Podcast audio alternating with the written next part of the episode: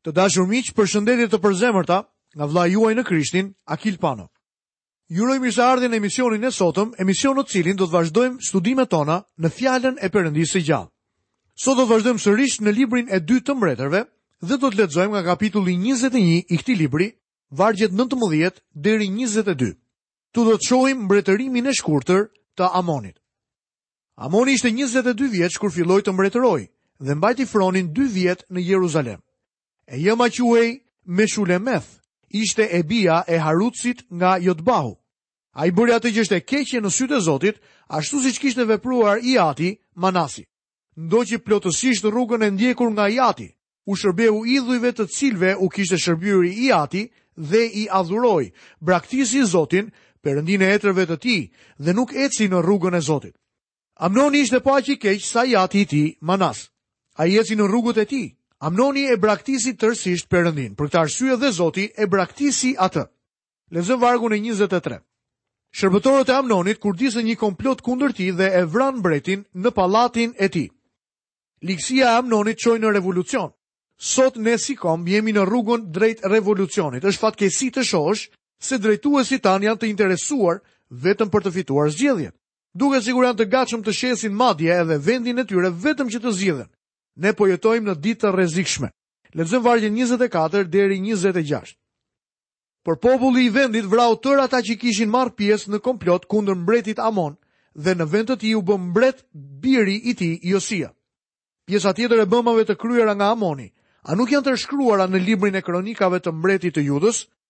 Ai u varros në varrin e tij në kopshtin e Uzas në vendin e tij mbretëroi i biri Josia. Kjo pjesë na sjell tek mbreti i fundit nga mbretërit e mëdhenj. Josia nuk ishte vetëm një mbret i madh, por gjatë kohës së mbretërimit të tij ndodhi një nga ringjalljet më të mëdha. Këtu përfundon dhe kapitulli 21 dhe ne do të fillojmë të studiojmë kapitujt 22 dhe 23 në librin e dytë të mbretërve. Në këto kapituj do të shohim mbretërimin e mirë të Josias. Në kapitujt 22 dhe 23 Do të shohim se Josia që filloi të mbretëronte, ishte 8 vjeç dhe mbretëroi për 31 vjet, ishte një nga mbretërit e mirë që mbretëroi pas Solomonit. Gjatë kohës së mbretërimit të tij mbi komb, erdhi një ringjallje e madhe që nevojitej shumë. Hilkahu, kryeprifti ishte këshilltari, asistenti dhe këshilluesi i tij. Lexojmë në vargun e parë të kapitullit njëzet e dy. Josia ishte tetë vjeç kur filloi të mbretërojë dhe mbajti fronin e tij tridhjetë vjet në Jeruzalem. E jëma quhej Jedidia. Ishte e bija e Adajahut nga Bockathi. Vini re se sa të rinj janë këta mbretër kur fillojnë mbretërimin e tyre. Përse janë kaq të rinj? Sepse baballarët e tyre ishin vrarë. Perëndia i kishte hequr ata nga froni. Lexojmë vargun e dytë. Ai bëri atë që ishte e drejtë në sytë e Zotit dhe vazhdoi tërësisht rrugën e Davidit, atit të tij, duke mos devijuar as në të djathtë, as në të majtë. Dielli ishte ngritur sërish. Drita po shkëlqen edhe një herë në këtë vend. Josia kishte ardhur në fron. Ai drejtoi një lëvizje që çoi në një ringjallje të madhe. Kam bindjen e plotë se e vetmja gjë që mund ta shpëtojë kombin është ringjallja. Në një komb mund të ketë ose ringjallje ose revolucion. Në qeveri ekziston një korrupsion i madh në të gjitha nivelet. Madje edhe në të gjitha organizatat ekziston korrupsioni. Shkelja e ligjit dhe imoraliteti lulëzojnë me bollëk. Seksi, pijet, drogat, revistat e ndyra, pikturat e marra, skandalet dhe trazirat mbretërojnë kudo. Ky komb po zhgërryhet si një derr në llucë. Ne jemi një lloj si djali plangprishës që shkoi në vendin e largët tek stalla e derrave me derrat. Pa ringjallje, revolucioni na troket tek porta. Gjëja e parë që duhet të kuptojnë të krishterët është se ringjallja është personale dhe individuale. Nuk mendoj se ringjallja ka filluar ndonjëherë si lëvizje masive. Ajo çfarë kërkojmë sot nuk janë politikanët vjedhës. Ne kemi nevojë për politikanë që të thonë kam gabuar, duhet të rregulloj gjërat me Zotin. Kjo do të ishte diçka e çuditshme dhe mendoj se do ta frikësonte pak kombin tonë në fillim, por kjo është ajo për të cilën kemi nevojë.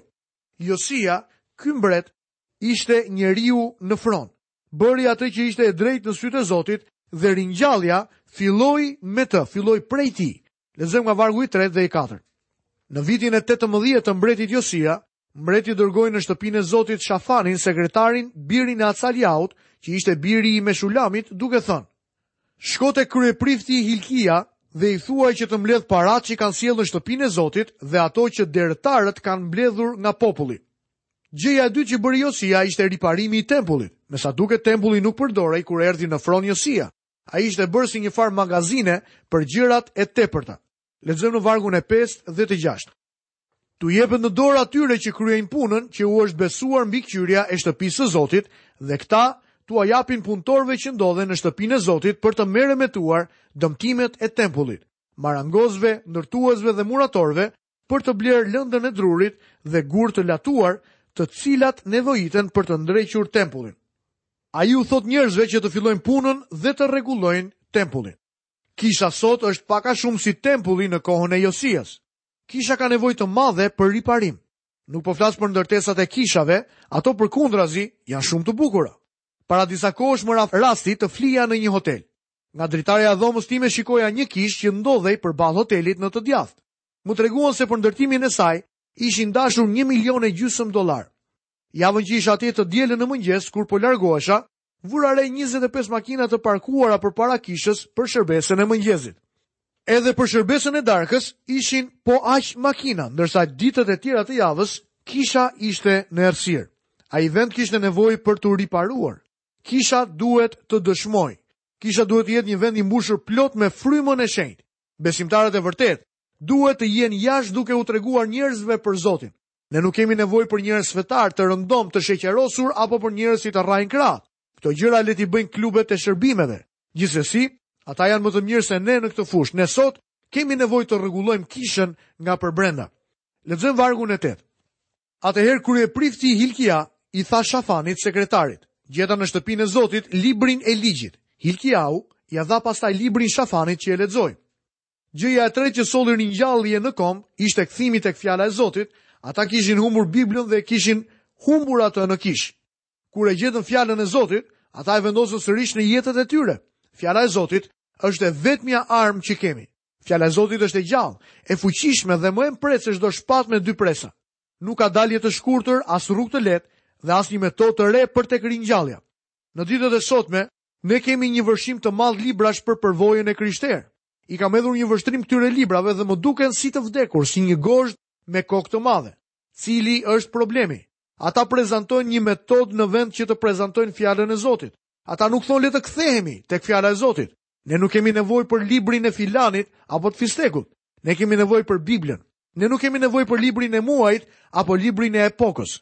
Sa kisha sot në këtë vend mbështeten në fjalën e Zotit dhe sa e predikojnë atë në mënyrë të shëndetshme.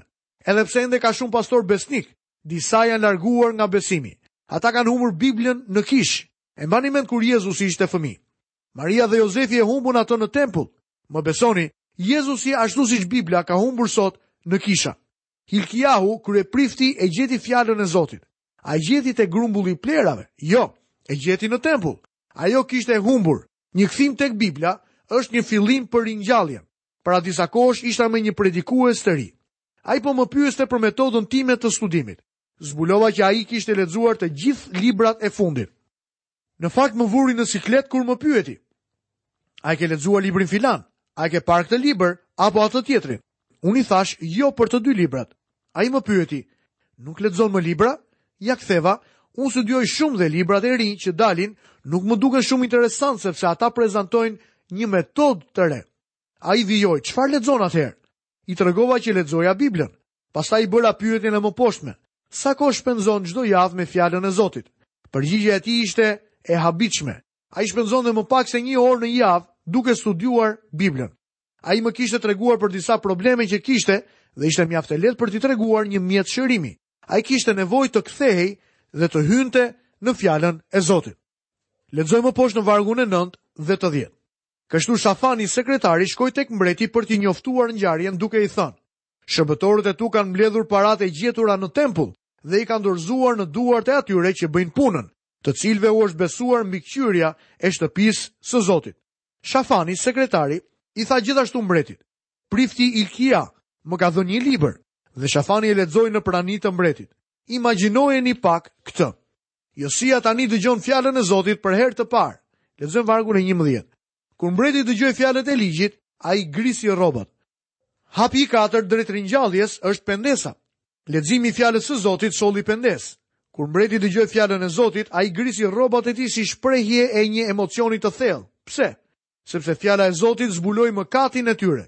Pa fjalën e Zotit, ata nuk do të kishin kuptuar asgjë. Ata nuk do të kishin pasur mundësi të kuptonin se sa shumë ishin larguar nga ligji i Zotit. Një kthim tek fjala e Zotit sjell ringjalljen. nuk ishte njëlloj me atë grupin e vogël që thonë se do të kenë një fushatë ringjallje. Ata shtrojnë një banket dhe thërrasin të gjithë predikuesit. Qëllimi është të flasin ëmbël, me optimizëm dhe të mblidhen së bashku. Miku im, ringjallja e vërtetë vjen vetëm kur ka pendesë të vërtetë. Kam dëgjuar se një i krishterë i mirë u tha drejtuesve të kishës. Kjo kishë ka nevojë që të gjithë drejtuesit të bien përtokë përpara Zotit dhe të pendohen. A e dini se çfarë bënë ata?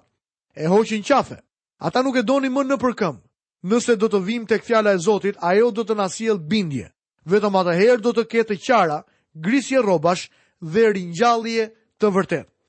Lexojmë vargun e 13. Shkoni dhe konsultohuni me Zotin për mua, për popullin dhe për tërë Judën lidhur me fjalët e këtij libri që u gjet. Sepse i madh është zemërimi i Zotit kundër nesh, sepse etërit tanë nuk iu bindën fjalëve të këtij libri dhe nuk kanë vepruar në përshtatje me të gjitha ato që janë shkruar për ne. Shohim që Josia ishte i frikësuar, sepse e dinte që ata meritonin gjykimin e Zotit.